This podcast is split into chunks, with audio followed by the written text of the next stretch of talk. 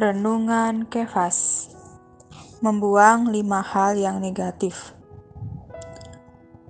1 Petrus pasal 2 ayat 1 Karena itu buanglah segala kejahatan, segala tipu muslihat, dan segala macam kemunafikan, kedengkian, dan fitnah. Ayat di atas dimulai dengan karena itu.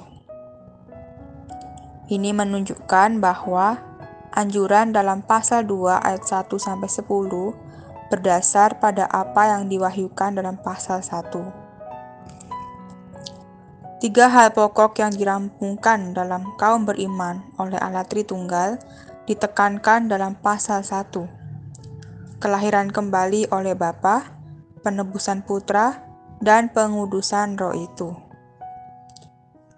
Hal itu membuat kaum beriman menjadi orang-orang kudus yang menempuh hidup kudus.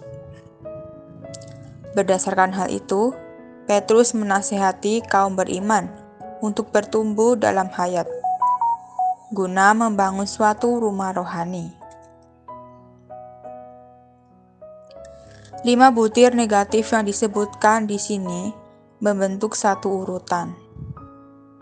Kejahatan adalah akarnya, Sumbernya, fitnah adalah ekspresinya.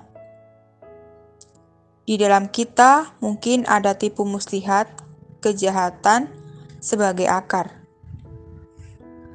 Akhirnya akan ada fitnah sebagai ekspresi dari kejahatan ini.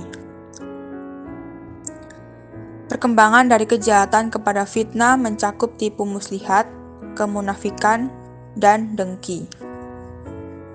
Jika pada kita ada tipu muslihat, pada kita juga akan ada kemunafikan. Dan jika ada kemunafikan, akan ada dengki.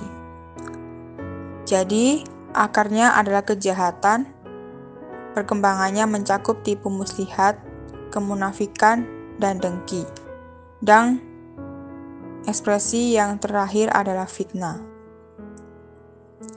Sobat Kefas, kalau kita penuh dengan kejahatan, tipu muslihat, kemunafikan, dengki, dan fitnah, kita tidak akan memiliki selera terhadap firman.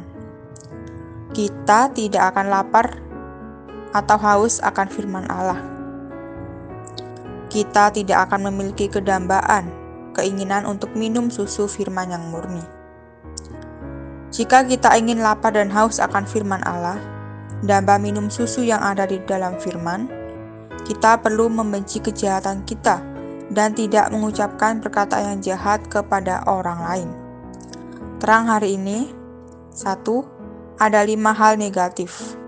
Dua, akar dari segala hal negatif. Tiga, hasil dari membuang hal negatif.